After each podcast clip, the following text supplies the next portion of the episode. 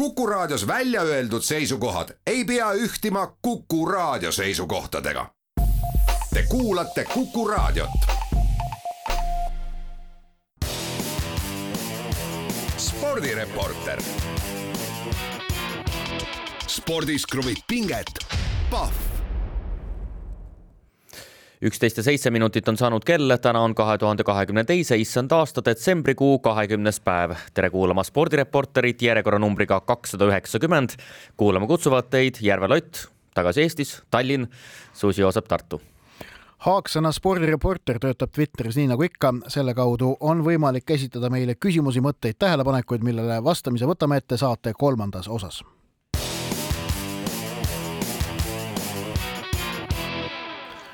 alustame spordireporterit, aga nagu meil kombeks on, kiirete aktuaalsete teemadega ning teemaks number üks on sedapuhku äh, üleeilne jalgpalli maailmameistrivõistluste finaalkohtumine. kahekümne teised meeste maailmameistrivõistlused jalgpallis lõppesid Lusaili staadionil peetud finaalkohtumisega, kus Argentiina ja Prantsusmaa tegid normaalajal kaks-kaks viigi, lisaja lõpetuseks oli viik kolm-kolm ning penaltiseeria võitis Argentiina neli-kaks ning tuli kolmandat korda maailmameistriks, esimest korda pärast aastat tuhat üheksasada kaheksakümmend kuus. Lionel Messi tegi jalgpalli viimase leveli läbi jah, no seda on äh, nõndamoodi sõnastatud äh, väga palju varasemaltki, nii et see pole Ott Järvela äh, leiutis. ei, ei aga, ole küll jaa, aga, aga, aga, aga ma arvan, see on päris tabav märkimaks seda, et noh, et, et Messil on nüüd kõik võidetud jah, aga ja ma rõhutaks, et Messi on ju äh, sündinud kaheksakümne seitsmendal aastal, nii et aasta pärast seda, kui Maradona viis äh, Argentiina maailmameistriks. Äh, aga kui vaadata tervikuna, et seda turniiri me pikemalt sellest turniirist räägime hiljem ka, aga ikkagi minu arvates üks selline väga kõrgetasemeline kohtumine oli. see oli veerandfinaal Inglismaa-Prantsusmaa aga finaal, finaali ikkagi iseloomustavad sellised individuaalsed eksimused, äh, lapsikud äh, käitumismustrid, mis seal äh, välja joonistusid, et no selles mõttes, et põnev küll, aga ikkagi põhimõtteliselt noh, valdav osa väravaid olid lihtsalt suu-, suured, suured eksimused. ja venelastel on ju kombeks öelda, et jalgpall ongi vigade tegemise mäng ehk et võidab see, kes eksib vähem. ma olen sellega nõus, et Inglismaa-Prantsusmaa sportliku taseme poolest oli selle turniiri parim kohtumine kohtumine, veerandfinaal. ja finaali äh, noh, kogu see vaatemäng lõpuks on, oli võrratu ning minu meelest on põhjendatult nimetatud seda kõigi aegade parimaks MM-finaaliks, et see stsenaarium omas sääraseid keerdkäike, et, et noh, ta on lihtsalt võimas, aga tuleb tõesti meeles pidada, et kohtumise esimesed seitsekümmend, isegi seitsekümmend viis minutit. seitsekümmend kaheksa minutit no seal, ei, seal ei, enne penaltit mingid äh, e-, är, e-, ergastumise märgid paar minutit enne seda Prantsusmaa mängus ilmnesid. aga esimesed seitsekümmend viis minutit olid ikkagi suhteliselt äh, tuim ja ühepoolne mäng, kus Argentiina kahetses, et seda mängu ei juhtinud enam kui kahe väravaga, sellepärast et teise poole alguses neil päris head võimalused tegelikult olid.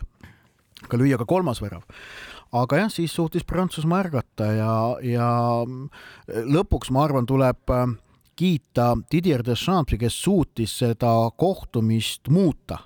Äh, see ei olnud ta jaoks, äh, no, no, no ilmselgelt oli näha, et Prantsusmaa meeskonda see viirushaigus, mis oli meeskonnast läbi käinud, ma olen väga veendunud, nad, nad ei ole sellest rääkinud ja ma arvan, võib-olla ei räägigi, võib-olla kunagi tulevikus räägivad, aga minu meelest selle märk oli selgelt näha, et Prantsusmaa energiatase oli varasemate mängudega võrreldes selgelt madalam, aga Deschamps suutis leida sellele vasturahu vahetustega.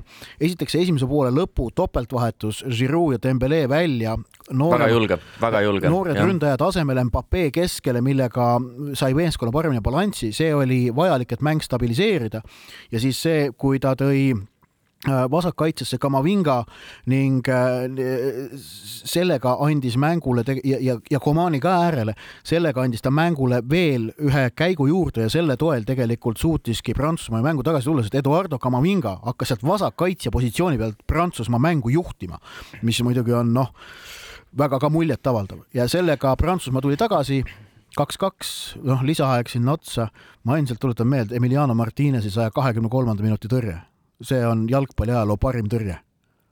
vot tuletaks meelde, tuletaks meelde Hispaania-Hollandi maailmameistrivõistluste finaali, kus Hollandil oli ju, mina ütleks, et veel parem võimalus mängu lõpus mäng ära otsustada, aga Iker Casillas tegi ja, ka Joosep, sarnase jalgadega tõrje, tõrje. sarnase, aga ei, Joosep, see oli maailma jalgpalli ajaloo parim tõrje põhjusel okay,, et selle tõrje hetk, kaalukus ja ka kvaliteet olid sedavõrd suurepärased. selles kvaliteedi all ma pean silmas seda, et see tõrje sisaldas Emiliano Martinese poolt nii instinktiivsust, suurepärast kohavalikut kui ka reaktsiooni.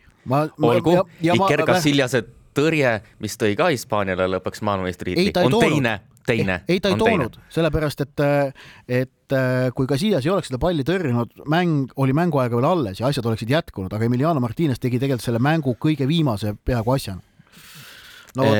Ja noh, nii ja naa, sellepärast et eh, kohe järgmisel rünnakul oli ka Argentiinal võimalus eh, kohtumine ära otsustada, aga, aga tõesti jah, ütleme sellise, no jällegi, see oli väga selline robustne lapsik eksimus või, või võiks nii öelda, mis oli jah, päris ja, ikkagi jalgpalli maailmameistrivõistluste finaalis midagi sellist äh, viimasel minutil lubada. aga kokkuvõttes võib ikkagi öelda, et äh, vaadates ka finaalkohtumise noh, sellist äh, noh, dünaamikat, siis on selge, et jalgpalli maailmameistriks tuli kõige tugevam meeskond. siin ei ole ju väga palju noh, küsimusi, vaadates ka seda kolmekümmend kuut mängu, mis eelnes maailmameistrivõistluste finaalturniirile, mille Argentiina läbis nõnda, et nad ei kaotanud ühtegi kohtumist. Saudidega mäng minu arvates oli jah, nagu on seda ka palju esile tõstetud, nagu ka eelmine kord eelmises saates esile tõstsime, et, et see võis olla mingisugune positiivne ähm, element, mis tegelikult äh, jah. aga igatahes Argentiina pärast seda Saudidel kaotatud mängu suutis iga mänguga oma esitust natukene parandada.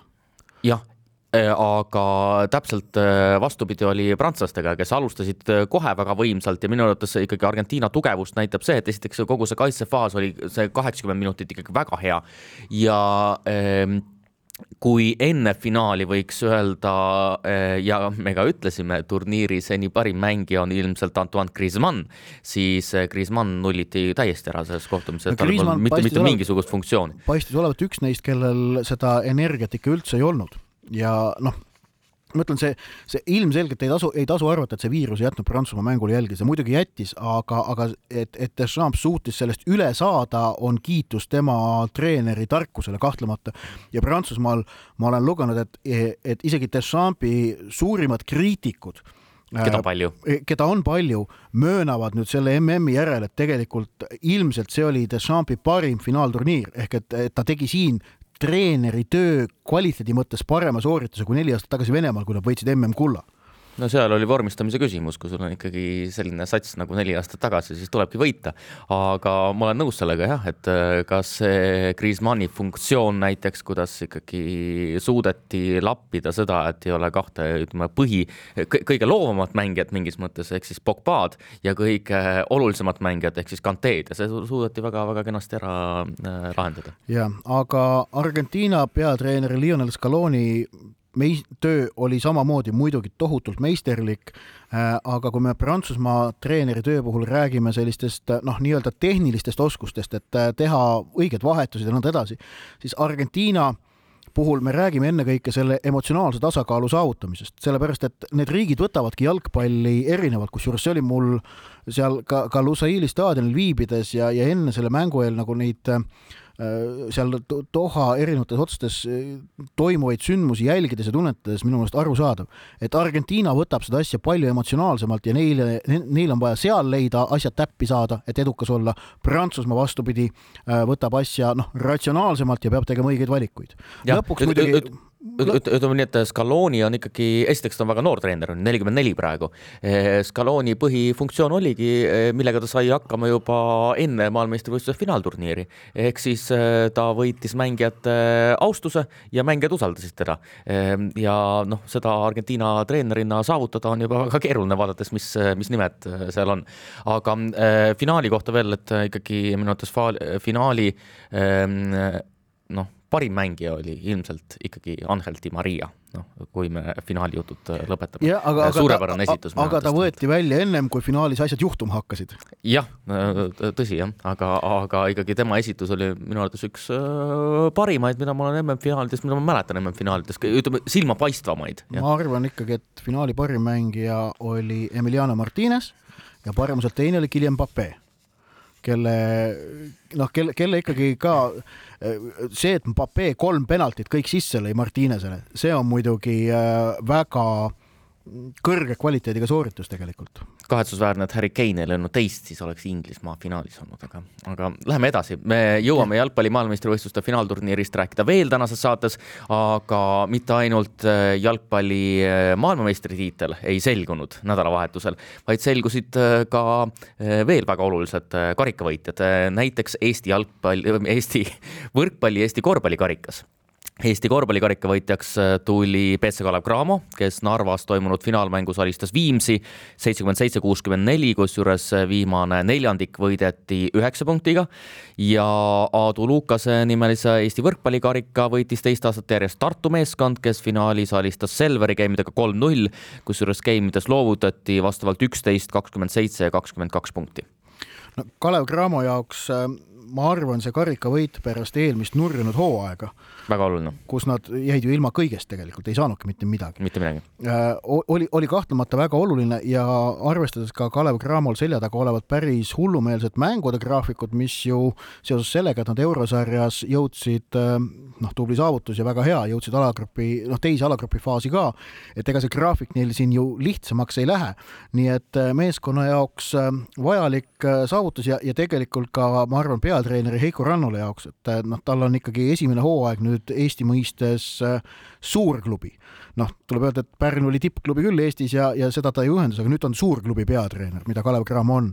ja et, et ta ikkagi selle esimese võistluse, esimesed suured proovikivid on tal olnud eurosari ja nüüd muidugi karikas ja ta on mõlemad tegelikult praegu ära lahendanud, vaatamata sellele, et, et ka Cramol on olnud siin noh, erinevad raskused aga mida tal nii väga tõestada on, et äh, siin võiks tsiteerida äh, Jose Mourinho't, kui ta läks äh, Londoni Chelsea'sse esimest korda Portus tuli, et äh, ta pole lihtsalt mingi suvaline treener, et ta on Eesti meister.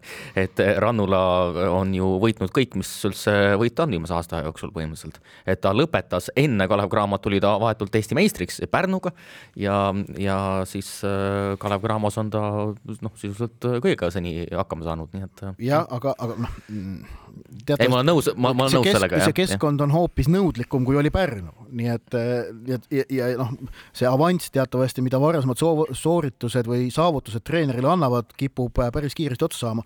tuleb tunnustada ka Viimsit, kes jõudis finaali, et nende jaoks, äh, ma usun, ka finaali koht on saavutus.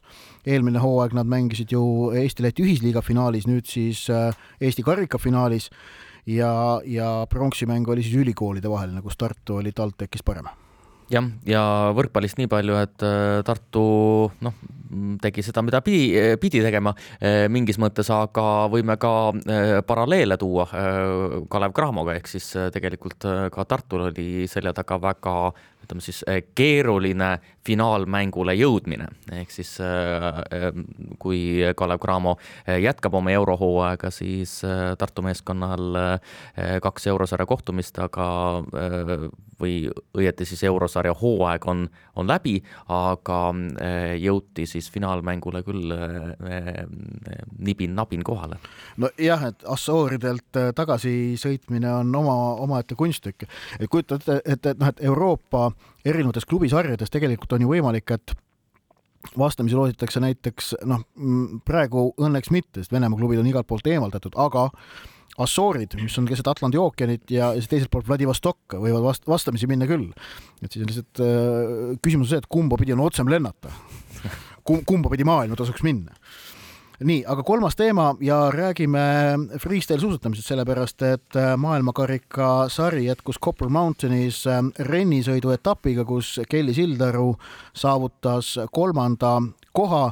tegemist on äh, tema karjääri kolmeteistkümnenda MK-sarja poodiumikohaga, et tal on kuus võitu ja seitse poodiumikohta veel. sel hooajal tal veel MK-võite pole, ta novembris sai pargisõidu MK-etapil teise koha, nüüd siis rennisõidu MK-sarja etapil kolmas koht ja rõhutada tulekski, et tegemist on rennisõiduga, aga kui vaadata neid tulemusi, mis sa ette lugesid, siis võiks öelda, et kuskil kaks aastat tagasi oleksid need ikkagi pettumust valmistavad tulemused, et esiteks see pargisõidus teine no midagi sellist ikkagi paar aastat tagasi ei saanud kätte kujutada Eesti spordisõber. Ja praegu rennisõidus kolmas koht. Et äh, kas äh, nii-öelda äh, domineerimise aeg on läbi? ütleb kiuslik spordisõber no see ei ole isegi, tegelikult ma arvan, see ei ole kiuslik, kiuslikud on need, kes äh, tahavad, et Silderul ei läheks hästi ja neid, oleme ausad äh,, kahjuks Eesti spordiväljal on ka omajagu. no nimesid. nimesid on keeruline öelda, aga on olemas selge grupp inimesi, kes äh, mina ei tea ühtegi näiteks. ei salli Kelly Silderut, no soovitan natukene, kuidas öelda, avarama pilguga ringi vaadata, sa leiad nad ülesse. küll aga on muidugi selge see, et, et kuna freestyle suusatamine, eriti naiste seas, on väga uus spordiala jätkuvalt, siis selle areng on äh, pidev ja on olnud väga mm, selge ka selle aja jooksul, kui Kelly Silderu maailma tippu on kuulunud ning et kaks tuhat kaheksateist PyeongChangi olümpia, mis tal jäi vigastuse tõttu vahele, oleks olnud ilmselt tõesti koht, kus ta oleks domineerinud. me nägime tänavu kevadel Pekingi taliolümpiamängudel, et, et see enam ei olnud nii ja ütleme nii, tulemused, mis on tegelikult viimase pooleteise aasta jooksul erinevatel võistlustel olnud, näitavadki, et, et see kogu see äh, pilt naiste freestyle suusatamise tipus on muutunud tasavägisemaks jah, no siiamaani Eesti spordisõbrad ju loetlevad Eesti olümpiavõitjaid ja lisavad siia ka Kelly Sildaru Lõuna-Koreas kaks kulda, mis jäid siis nagu võtmata, aga tegelikult olid olemas. kes seda, no nüüd, nüüd küsin mina, et ütle mulle nimesid vaata avarama pilguga ringi, siis sa näed. okei okay., võtame neljanda teema, neljanda, neljanda teema ka veel enne, kui reklaamile läheme jah, lühiraja ujumise maailmameistrivõistlustel Melbourne'is teenis Eesti kaks finaali kohta, nagu ka äh, viimatisel MM-il äh,. Gregor Sirk oli kahesaja meetri liblikuujumises Eesti rekordiga viies ehk siis täpselt sama koht äh,, mille sai Sirk ka eelmisel lühiraja MM-il ja Daniel Zaitsev äh, püstitas ridamisi Eesti rekordeid ja, ja pääses siis äh, ajaga kakskümmend kaks, kolmkümmend kaheksa ka finaali ja jagas kaheksandat kohta seal. finaali pääses ta muidugi siis nii-öelda lisaujumise kaudu või ümberujumise kaudu, kus sündis ka Eesti rekord mida Gregor Tsirk ise MM-i kokkuvõtteks ütles, MM-i finaali kogemata ei satu. Äh, ja, ja, ja see on äh, väga täpne ja seda on väga rõõm tõdeda, et äh, Gregor Tsirk on ikkagi saavutanud lisaks headele tulemustele ka stabiilsuse. tal ei ole naljalt enam olnud olulist võistlust, mis oleks aia taha läinud, vaid ta on mullu Tokyo olümpiamängudest alates suutnud ikkagi äh, Äh, tiitlivõistlustel igal pool tulemust näidata ja äh, stabiilsus on teatavasti tippspordis üks väga-väga oluline asi ja ma vist äh, äh jätsin mainimata, et Zaitsev pääses finaali ja sai kaheksanda koha viiekümne meetri liblikujumises ja saja meetri liblikujumises oli ta kaheteistkümnes. aga ma olen nõus sellega, mis sa ütlesid äh, Sirgi kohta äh, ja no mingis mõttes on ikkagi kahju, et, et ütleme siis äh, võib-olla eh, vaadates ka ujumise sellist kuvandit, et kõige olulisem eh, võistlus, eh, mis näib olevat, ütleme selline tõesti turunduslikult väga hästi õnnestunud võistlus, et tänavusel aastal lihtsalt ei toimunud, aset ei leidnud, ehk siis me nägime ka Sirki võistlemas võrdlemisi, võrdlemisi vähe, kui oleme näinud. Vot, aga nüüd teeme väikese pausi, teeme ja siis tuleme tagasi, räägime veel jalgpalli MM-ist. spordireporter spordis kruvib pinget, Pahv. Jätkame spordireporteri saadet, Ott Järvela on naasnud koduvabariiki ja saame hakata pärima, eh, kuidas siis eh, komandeeringus oli ja mida ta nägi. aga teeme kokkuvõtte kahekümne teisest jalgpalli maailmameistrivõistluste finaalturniirist, eh, kusjuures kahekümne kolmas mm peaks siin lähikuudel juba algama, on nii jah? Esimesed mängud peaks kahe tuhande kahekümne kuuenda aasta jalgpalli MM-il algama siin kuskil paari kuu pärast, ma saan aru. ja valiksari enamasti algab äh, kolm ja pool aastat enne finaalturniiri algust, seal kõige need esimesed eel-eelringid äh, enamasti Aafrikas ja Aasias mängitakse väga varakult ära jah, et, et järgmisel kevadel märtsis vist peaksid esimesed MM valikmängud tegelikult juba toimuma, nii see käib jah jah, aga mida siis kokkuvõtteks öelda, siin on äh, välja toodud näiteks äh, Eesti äh, jalgpallispetsialistid, et oli selline ettevaatlik ja ratsionaalne finaalturniir. sellega võiks vist nõus olla jah, et võrdlemisi no ütleme, ratsionaalselt üritati mängida jah, tulemusele orienteeritult mis on MM-il kuidagi ja, loogiline. aga samas äh, väravate keskmine arv kaks koma seitse, noh, tegelikult samasse auku, mis eelmistel MM-idel, nii et seal nagu mingit olulist muudatust ei ole. et kui, kui me räägime sõnadest ettevaatlik ja ratsionaalne, see võiks nagu vihjata väiksematele skooridele, tegelikult väravaid löödi sama palju kui, kui muidu. et seal nagu mingit olulist muudatust ei toimunud ähm, aga, aga, aga ma ei teagi, kas ratsionaalne, no, no jah, tulemuse peale mängiti küll, et seda on vastu, ei, just, et, et neid nii-öelda ideaale ja stiili ollakse nõus äh,, ollakse nõus ohverdama, mida varem vast ei näinud niivõrd palju, et, et, et, et tehtaks, ollakse valmis selles vallas kompromisse tegema. no näiteks ma toon välja Aafrika võistkonnad, kes on ikkagi äh, kes on ikkagi näha, et nad on oma sellest lõbususest ja, ja ma võta, jätan kusjuures praegu Maroko välja, vaid, vaid räägin siis Sahara taguse Aafrika kolmest esindajast, Kamerunist, Ghanast ja, ja Kamerunist, kes sellel MM-il olid nende mängus oli seda lõbusust ja, ja, ja nautimist oluliselt vähem kui varasematel MM-idel minu, minu silma järgi. ehk et see on ka märk sellest, et ratsionaalsusest ollakse äh, Äh, ratsionaalsust hinnatakse rohkem. Ja, ja seda ei tehtud sedapuhku mitte Euroopa treenerite äh, mahitusel, vaid ju kõigil Aafrika tiimidel oli, olid kodumaised treenerid. Äh, noh, nüüd läks jälle jutt Aafrika jalgpalli peale, aga muidu, mis teine asi, mis on näha, on, on ikkagi see, et Euroopa on jätkuvalt domineeriv jõud me ikkagi vaatame otsa kaheksandikfinaalide pildile, oli üheksa Euroopa satsi, veerandfinaalides viis Euroopa satsi, hõbe ja pronks Euroopale. Ähm, aga ülejäänud maailmajagude vaheline tase ühtlustub. et sedapuhku me nägime Aasialt head turniiri, Lõuna-Ameerikalt äh, pigem kehva turniiri, okei okay,, Argentiina tuli maailmameistriks, aga sõelmängudel ainult kaks Lõuna-Ameerika satsi. Äh, ehk et Lõuna-Ameerika teine ešelon, Ecuador, Uruguay edasi ei saanud ja Põhja-Ameerika oli sedapuhku kehva sellepärast et ainult Ameerika pääses edasi, kes on samas järgmise MM-i võõrustaja, nii et, nii et ja kui nüüd selle pealt, et ülemaailmajagude vahel pilt ühtlustub, liikuda edasi järgmisele MM-ile korraks, kus meil teatavasti on nelikümmend kaheksa riiki osalemas, siis see jällegi pigem äh, on, on hea teada, sellepärast et, et on lootus, et seal äh, noh, ütleme nii, et ei, ei, ei, ei teki väga suured tasemevahed. Jah, äh, mina ütleks ikkagi, et kolm kõige tugevamat riiki ei pääsenud Äh, kolm kõige tugevamat koondist ei pääsenud poolfinaali. Äh, see oli, äh, see oli selle turniiri minu arvates kõige suurem selline üllatus, jah. kes need olid siis? Inglismaa. nii.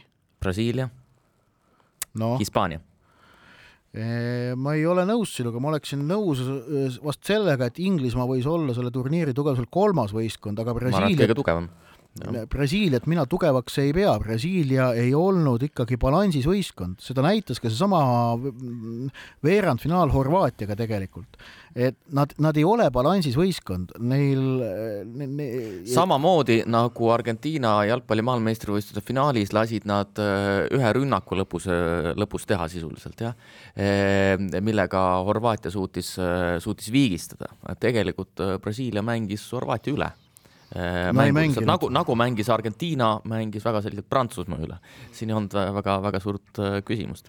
ja Hispaaniat ähm,, Hispaaniat ma ka nende tugevamate sekka ikkagi ei, ei kipuks kuidagi tõstma. muljetavaldav võit Costa Rica üle oli tõesti väga kaunis, aga tegelikult ähm, kui see võistkond, kui see võist-, kui see võistkond ei suuda tulemust vormistada, mida nad ei suutnud, nad kaotasid ka Jaapanile, nad kaotasid Marokole siis, siis sinna see jääb ju noh jah, okei okay,, ma ütlen siis nii, et neli kõige tugevamat võistkonda, kes ma arvan, et nelja aasta pärast on, vaadates praegu, praegusi koosseise ka, et ka vanuselist koosseisu, neli kõige tugevamat meeskonda nelja aasta pärast ei pääsenud poolfinaali, et ma lisaks ka sakslased siia, sest mulle tegelikult meeldis, kuidas sakslased mängisid. ja minu arvates, ütleme, Saksamaa väljakukkumine oli selle turniiri ainus suur üllatus. Võiks nii öelda? Nojah, Belgia edasipääsemine, e, mitte edasipääsemine ei olnud teab mis suur šokk tegelikult. et, et, et, et ma ähm, äh, väga tihti ei meenuta seda, mida Ott Järvela on siin saates öelnud, aga Ott Järvela ennustas juba ette, et Belgia kukub välja äh, sisuliselt, nii et äh, tubli ja ma tänan, ma tänan, vot eh, on mõnel inimesel ka oma helged hetked siin äh, spordireporteri saates. ja aga praegu me läheme juba äh, siit ütleme siis jalgpalli MM-i eritelust eemale, me meenutame juba rohkem Eesti Televisiooni sellist stuudioanalüüsi, kus lihtsalt heietatakse, aga aga et jalgpalli MM tervikuna ja, ja ma ütlen ikkagi tulen selle juurde, et ikkagi neli sellist väga tugevat jõudu, kes näitasid ennast kes on nelja aasta pärast minu arvates äh, suure tõenäosusega äh, vaat äh, kesksed favoriidid, ei pääsenud poolfinaali ja vaadates poolfinaali koosseise ja vaadates ka ütleme nii-öelda isikkoosseisu, kui me vaatame neid koondisi lähemalt, ehk siis Horvaatia. Horvaatia on ju tegelikult viimase seitsme turniiri vältel pääsenud kolm korda, viimasest seitsmest turniirist kolm korda pääsenud poolfinaali aga no väga kahtlane, et äh, pärast äh, eesseisvat põlvkondade vahetust siis noh, nelja aasta pärast suudetakse sedasama teha. alates üheksakümne kaheksandast aastast MM-medaleid Horvaatiast rohkem on võitnud ainult Prantsusmaa ja Saksamaa. mitte keegi ja. teine pole esikolmikusse jõudnud kolm korda see on Viima..., mis, mis on arulage statistika tegelikult, mõtled, et Horvaatia, kuivõrd väike nad on. aga üheksakümne seitsmendal aastal polnud prantslastel mitte midagi ja viimasest seitsmest äh, maailmameistrivõistluste finaalturniirist on nad neli korda jõudnud finaali. kui ma kellegi äh, peale finaali jõudmise osas kaks tuhat kakskümmend kuus panuse julgeks teha, siis oleks Prantsusmaa muidugi mm. -hmm. tundub kahtlane, aga vaadates jällegi, kuidas no jällegi, et neli aastat tagasi tuldi maailmameistriks ja ma arvan, et teised koondised oleks tulnud, meenutame Hispaaniat näiteks kuidas Hispaania alt läks, kuidas Saksamaa pärast maailmameistrivõistluste eh, võitu alt läks, et eh, tullakse enamasti sama koosseisuga, üritatakse nii-öelda pikendada seda, aga prantslastel käib see rotatsioon ikkagi niivõrd kiiresti, et eh, tõesti praegu maailmameistrivõistluste finaalis oli siis kokku kümme maailmameistrit ainult jah ja., kogu koosseisust oleme nüüd äh, MM-i sportlikust poolest natuke rääkinud, ma veel ütlen äh, siis paar tähelepanekut selle ebasportliku poole kohta ka. Ähm, ehk et äh, see, et me nägime võrratut jalgpalli etendust selle MM-finaalturniiri nii kokkuvõttes kui ka lõpetuseks, ei tähenda, et äh, Katari tuleks kuidagi selle kõige eest tänada. Katari, turniiri Kataris toimumine ja seal nähtud suurepärane jalgpall ei ole omavahel mitte kuidagi seotud, vaid selle suurepärase jalgpalli etenduse pakkusid meile ikkagi need äh, riigid, kes on need jalgpallurid üles kasvatanud oma jalgpallikultuuride ja koolkondadega. Katar oli lihtsalt sedapuhku noh, selle asja toimumiskoht ning jätkuvalt selle turniiri Kataris toimumine oli ebasiiras, silmakirjalik ja vale seda tuleb jääda rõhutama jah, ja ei tasu kuulata seda, mida ütlevad sellised äh, suured juhid nagu Infantino või Pohlak, et äh, neid põhjendusi võib leida ju igasuguseid. Äh, Katarile maailmameistrivõistluse finaalturniiri andmine oli selgelt vale otsus. spordireporter. spordis kruvib pinget, Pahv spordireporter jätkab, Joosep Susi jätkuvalt Kuku raadio Tartu, mina Ott Järvela Tallinna stuudios ning meie saate kolmas osa kuulub nagu ikka kuulajatelt laekunud küsimustele. etteruttavalt võib öelda, et ka selles osas me jalgpalli maailmameistrivõistlusi Kataris mõnevõrra puudutame, aga alustame spordipoliitilise küsimusega. Tõnis Tartust tahab teada, kui sõda jätkub ja Rahvusvaheline Olümpiakomitee tõesti lubab Venemaa sportlased Pariisi olümpiale, siis kas Eesti peaks olümpiamänge boikoteerima? No kas peaks või mitte? Äh, äh, pigem mitte, äh, pigem mitte. ma isegi seda sõna ja. pigem ei kasu-, mina ütleks, et kindlasti mitte või noh, ei no tähendab, üksi, üksikud sellised minu arvates väga sümpaatsed boikotid on ju äh, ajaloos äh, olnud, mis meile meelde tulevad, kas või kui me meenutame tuhat üheksasada kaheksakümmend mida siin äh, lähiriigid tegid purjeregatiga näiteks. millegipärast eestlased Eestis seda väga palju üldse ei mainita, et paljud riigid otsustasid boikoteerida mitte olümpiat, vaid purjeregatti, sest see toimus annekteeritud riigis. ja seda, sest et Eestis armastatakse rohkem olla uhked narratiivi üle, et ikkagi olümpiamängud on Tallinnas toimunud jah ja, mis tundub väga kummaline. ja et Vigri oli vuntsidega ja tore mm. -hmm. et äh, esiteks, äh, esimene vastus on muidugi väga selge, et ei boikoteerita ja teine küsimus on see, et kas peaks seda tegema. ma arvan, et ei peaks, jah otseselt. et miks me karistame enda sportlasi nendelt suurepärase võimaluse äravõtmisega seeläbi, seetõttu, et Rahvusvaheline Olümpiakomitee Toomas Bachi juhtimisel võistleb edukalt FIFA-ga selles, kumb neist kahest organisatsioonist on maotum. hetkel FIFA juhib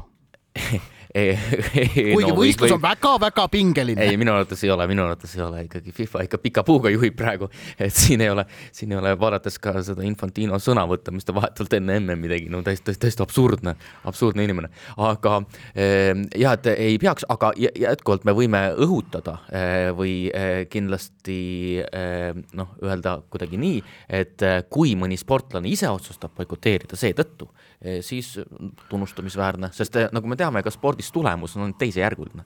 tippspordis ka tulemus on teine, teisejärguline, oluline, et võistlused äh, aset leiaksid ja tippsport äh, oleks, et noh, tulemused.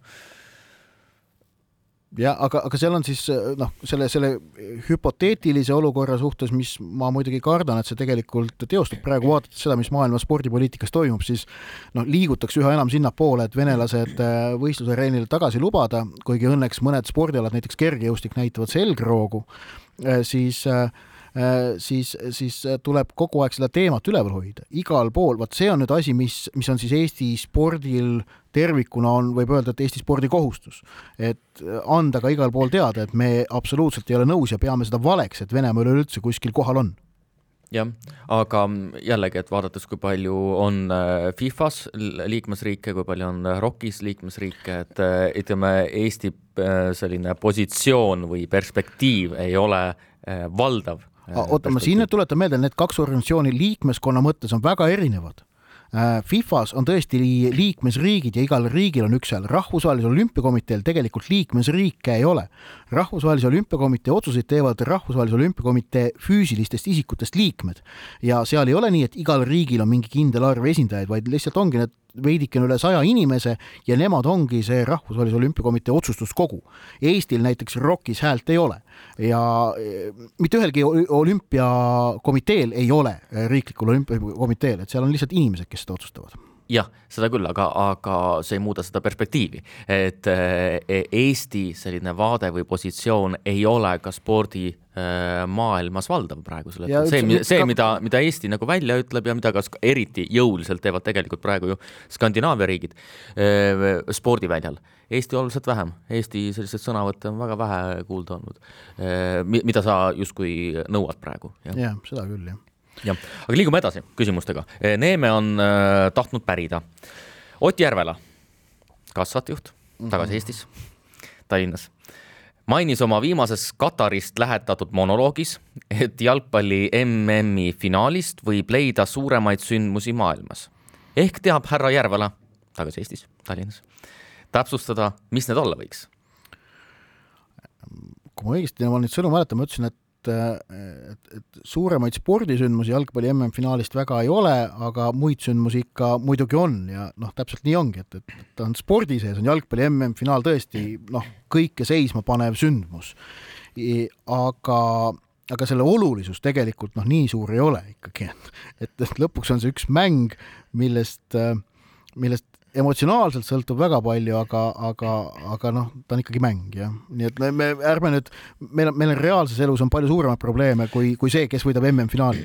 no kindlasti jah, tegelikult lõpuks ei ole seal väga suurt vahet, kes MM-finaali võidab, aga, aga et see on ka vaadates mitte ainult Eesti meediat, vaid laiemalt meediat. Minu arvates eriti veel läänes lääne kultuuris on hakanud äh, see fiktsiooni ja mittefiktsiooni piir kuidagi äh, hägustuma, ehk siis äh, nii-öelda mängu, mängust kirjutatakse, nagu see oleks tegelikult väga tõsine asi ja kuidagi võrdväärne ehm, tegelike küsimustega, näiteks nagu selliste tõsiste, tõsiste asjadega nagu poliitika või meil on sõda käimas, aga räägitakse ikka sama tõsises võtmes, räägitakse, räägitakse jalgpalli MM-ist kui jah, mis on tegelikult ju põhiolemuselt mäng.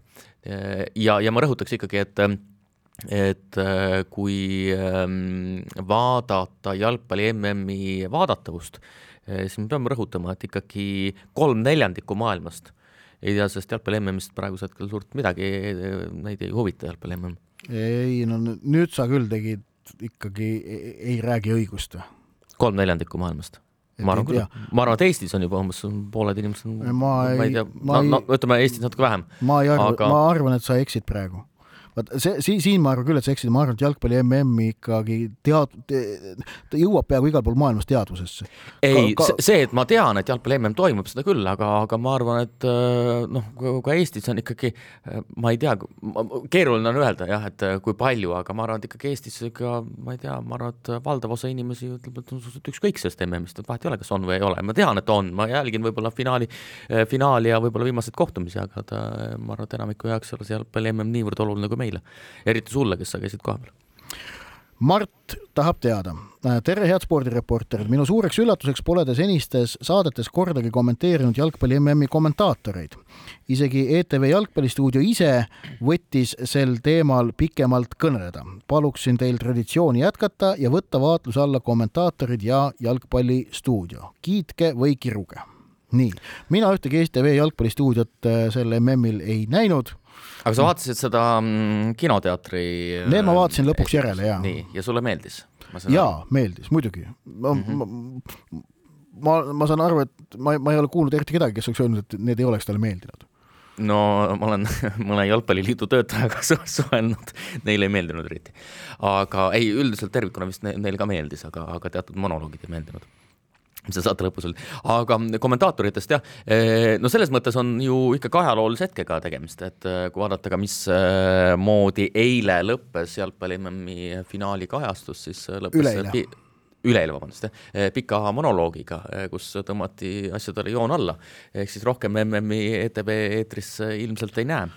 see kusjuures ei pea tingimata paika, sest et kaks tuhat kakskümmend kuus jalgpalli MM-i ülekandeõigused ei ole jagatud ega kuskil müüdud, ostetud ja minu info kohaselt on arvestatav võimalus, et need ikkagi jõuavad ETV-sse. okei okay. tore, selles mõttes, et minu arvates ikkagi Eesti Televisiooni tervikuna professionaalne töö, aga, aga noh, kui me vaatame lähemalt, siis loomulikult või selliseid kritiseerimis noh, kohti on loomulikult palju, võib-olla selline žanriline tead-, teadmine on esimene, millest tegelikult me oleme siin varasematel aastatel samamoodi rääkinud, et ikkagi tuleb arvestada, missuguse tekstiga on tegemist, on sellise multimodaalse tekstiga, missugune selle vastuvõtt on, on, tuleb arvestada teatud spetsiifikat eh, milleni, eh, mida tihtilugu ei, ei tehta.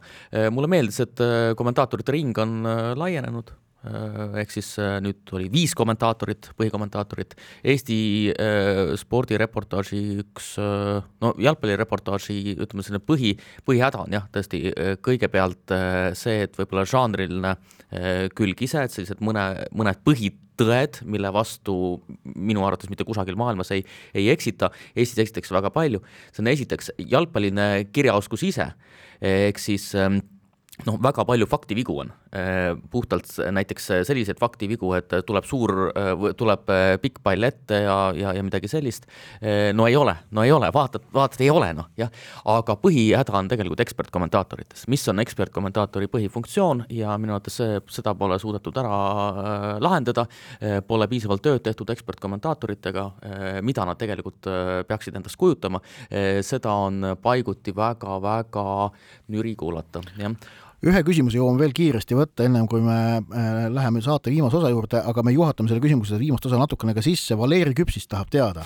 Gerd Kanter on nomineeritud aasta treeneri kategoorias kui Kristjan Tšehhi juhendaja. kui eestlane oleks Madridi Reali peatreener, siis kas ta võiks ka Eesti aasta treeneriks saada ja kandideerida? kui eestlane oleks Madridi Reali peatreener, siis ta peaks olema aasta treener jah, siis ei ole nagu eriti muud varianti. et, et mingi olümpiavõit või kaks siia-sinna, ei, noh. kolm-neli, vahet ei ole, Madridi Reali peatreener oleks eestlane, siis ta peaks olema aastatreener, jah. teeme pausi. spordireporter. spordis kruvib pinget, Pahv spordireporter jätkab ning alustab oma tänase saate viimase osaga teemaks aasta sportlase valimised. rahvahääletuse avas Eesti Olümpiakomitee eile väga vara hommikul ehk et tegelikult kohe, kui pühapäeva südaöö oli kätte jõudnud ehm, ning see rahvahääletus kestab nädala lõpuni ehk et sedapuhku ainult nädal aega. süsteem aasta parimate sportlaste valimistel on tavapärane, ehk et on kolm hääletajate gruppi, rahvahääletus, spordialaliitude hääletus ja spordiajakirjanike hääletus, igalühel, igal hääletusel on võimalik saada võrdne hulk punkti, pannakse punktid lõpuks kokku ning vaadatakse, kes võidavad aasta meessportlase, aasta naissportlase, aasta võistkonna ja aasta treeneri auhinnad. ning spordireporteri selles viimases osas vaatamegi otsa kõigile neljale kategooriale ning proovime seal üht-teist pakkuda, kuna ükski eestlane Madridi Reali peatreener ei ole, siis on aasta treeneri kategooria ikkagi lahtine ning ilmselt on see kõigist neljast kategooriast kõige prognoosimatum, sellepärast et, et eelis, sellist selget ikkagi noh, liidrit või, või kindlat pretendenti on kõige keerulisem paika panna jah, Kelly Sildaru olümpiapronksi juhendaja Mihkel Ustav, äh, Martin Liivi treener Erik Den Hoove, aga, aga samamoodi ka Kristjan Ilvese treener Jan Schmid, Gerd Kanter, nagu öeldud, Kristjan Tšehhi treener, kellel, ähm, kellel, kelle, kes ju võitis äh, suvel tiitlivõistlustelt medaleid, nii et väga lai valik on seal ette pandud. no ma arvan ikkagi, et Eestis ei taheta valida, vaadates, kes need äh, nii-öelda kandidaadid on, sinna võib loomulikult äh, ise ka nimesid lisada. aga ei taheta valida ikkagi välismaalast, et äh, välismaalast on tahetud valida muudel juhtudel, näiteks juhul, kui ta on võistkonnatreener. Gretšu võitis ju mitu, mitu auhinda, mitu Kristjanit. Eh, aga ma arvan ikkagi, et see olümpiapronks saab lõpuks saatuslikuks jah, et äh, Ustav äh, saab lihtsalt näidata ette, et mul on olümpiapronks ja, ja ongi kõik. et noh, see on aasta võistkonna osas ilmselt favoriidiks tuleb ikkagi üpris selgelt äh, lugeda Ott Tänaku ja Martin Järveoja kandidatuuri maailmameistrivõistluste teine koht äh, ning kolm MM-ralli etapivõitu sel hooajal. jah, Kusti Nõlvakul, Mart Tiisaarel vastu panna maailmameistrivõistluste viies koht, äh, nagu ka paarisaarjusel neljapaadil, aga, aga Tänak, Järveoja vast peaksid siin puhta töö tegema no olen nõus jah, vaatame nais- ja meessportlasele samuti otsa, naissportlase osas jällegi meil on olümpiamedal, ega siin väga palju midagi lisada ei ole. noh, aga ma ei ole kindel, et Kes see veel? hääletus läheb niimoodi, et Kelly Sildaru kõigis kolmes kategoorias esikoha saab. et spordi ma..., spordialaliidud panevad Epp Mäe või? ei, spordialaliidud, ma arvan, ikkagi panevad Kelly Sildaru, ma pigem arvan, et ka spordiajakirjanike seas Kelly Sildaru äh, Äh, saab esikoha, aga rahvahääletusel esikoha osas ma ei ole nii kindel kusjuures. Äh, sellepärast keda sa näed konkurendina? Äh, äkki Anett Kontaveiti. kellel üle, üle-eelmise aasta eest? või no, eelmise aasta eest? no noh, maailma teine reket oli ta ikkagi tänavu, et, et aga Anett Kontaveidi puhul tõesti, et, et me saavutus ei ole tegelikult mingi võit või mingi, mingi tiitel, vaid Anett Kontaveidi saavutus on maailma edetabeli teine koht, mis on päris noh, ütleme omapärane. Ähm, äh, aga, aga lisaks on siis veel ju Epp Mäe, kes võitis kaks tiitlivõistluste medalit, nii maailmameistrivõistluste kui Euroopa meistrivõistluste hõbe, noh, Kaia Kanepi Austraalia lahtiste veerandfinaali koht, Ene-Li Jefimovalt väga hea hooaeg, siis äh, huvitav on näha see, mida suudab äh, Kristin Tatter, kes on kes on tegelikult päris populaarne sportlane praegu, oleme ausad ja, ja kes on ka päris palju meediapildis olnud ning Carmen Pruus, kes oli MM-il see noor, noor, noor üllataja, tema on ka, ma arvan, mingitel hääletustel seal ikkagi äh, sees, tõsi, esikoha konkurentsis ilmselt mitte. tuleb anda ka auhind aasta parimale meessportlasele. tuleb jah? jah nii on. kel- ke,, ke, kelle sina selle esimeseks paned, mind kohe huvitab Äh, kelle mina panen esimeseks? Äh, no mõtlesin sellele, mõtlesin ja mul on jällegi, mina ei pane kedagi esimeseks äh, ah., jah, sest ma ei hääleta kunagi. aga mul on millegipärast ikkagi tunne, et äkki, äkki Liiv, äkki Liiv. siin no, kui vaadata neid saavutusi, mis nagu on võimalik ette näidata, siis äh, Martin Liivil olümpiamängude seitsmes koht ja Janek Õiglasel Euroopa meistrivõistluste pronksmedal. et need on, need on tegelikult ju päris sellised äh, noh, samasse auku saavutused natukene nagu. -hmm. ja Kristjan Ilves olümpiamängude üheksas koht pluss maailmakarikasarja üldarvestuse viies koht, et need.... aga, aga, aga ma lisaksin siia tegelikult ka Eesti tänavuse aasta parima võistkonna liider võiks olla ka kandidaat, et ta on ikkagi pari, selgelt parima võistkonna kõige olulisem lüli. see on Ott Tänak et minu arvates no selles osas, selles infoks, et, et seal oli ju noh, ütleme, et, et paistab, et nii palju, kui ma tean, olümpiakomitees tehti põhimõttelised otsused, et, et ralli Äh, ralli ekipaažid ka nüüd ja edaspidi kandideerivad võistkondlikus arvestuses. jah, aga, aga suuremad võistkonnad, vaat äh, suuremate võistkondade puhul on nii, et äh, võib ka eraldi mängijaid või võistkonna liikmeid tunnustada, aga lihtsalt kuna on kaks liiget ainult, siis ei tohi Nonii, vot, ühesõnaga ma loodan, et tegime väikese ülevaate. oota, kelle sõna siis paned? Ma ei ole veel otsustanud, ausalt. ma, ma. otsusta praegu ära, sul on. praegu ei, mul on veel. kolmkümmend sekundit aega. mul on pühapäevani aega, äh, aga ma nagu alati avalikustan oma valikud. Äh, nii, aga meil on aeg infoks veel, et siis kolmekümnendal detsembril aasta sportlase gala toimub ja Kanal kakssada otse-eetris näitab, nüüd aga liigume soovituste juurde, minu soovitus puudutab järgmist esmaspäeva. Inglismaa jalgpalli kõrgliigas mängitakse teisel jõulupühal, nagu ikka teatavasti, väga palju jalgpalli ja soovitan seda pikalt jälgida, sellepärast et jalgpalli nüüd klubi jalgpalliga tuleb ennast harjutama hakata uuesti jah, eh, mina eh, mõtlesin täpselt samas suunas, ehk siis, et eh, mis oleks praegu parim asi, mida teha, loomulikult pärast MM-finaalturniiri vaadata jalgpalli.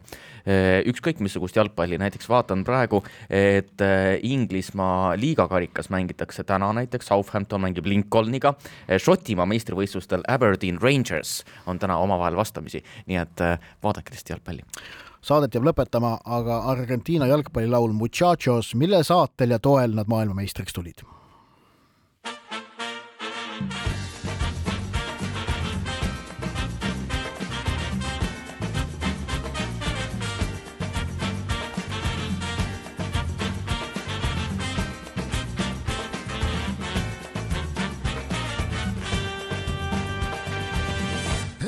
Argentina nací, tierra de Diego y Leonel, de los pibes de Malvina que jamás olvidaré. No te lo puedo explicar porque no vas a entender las finales que perdimos, cuántos años la lloré, pero eso se terminó porque en el Maracaná la final color azúcar la volvió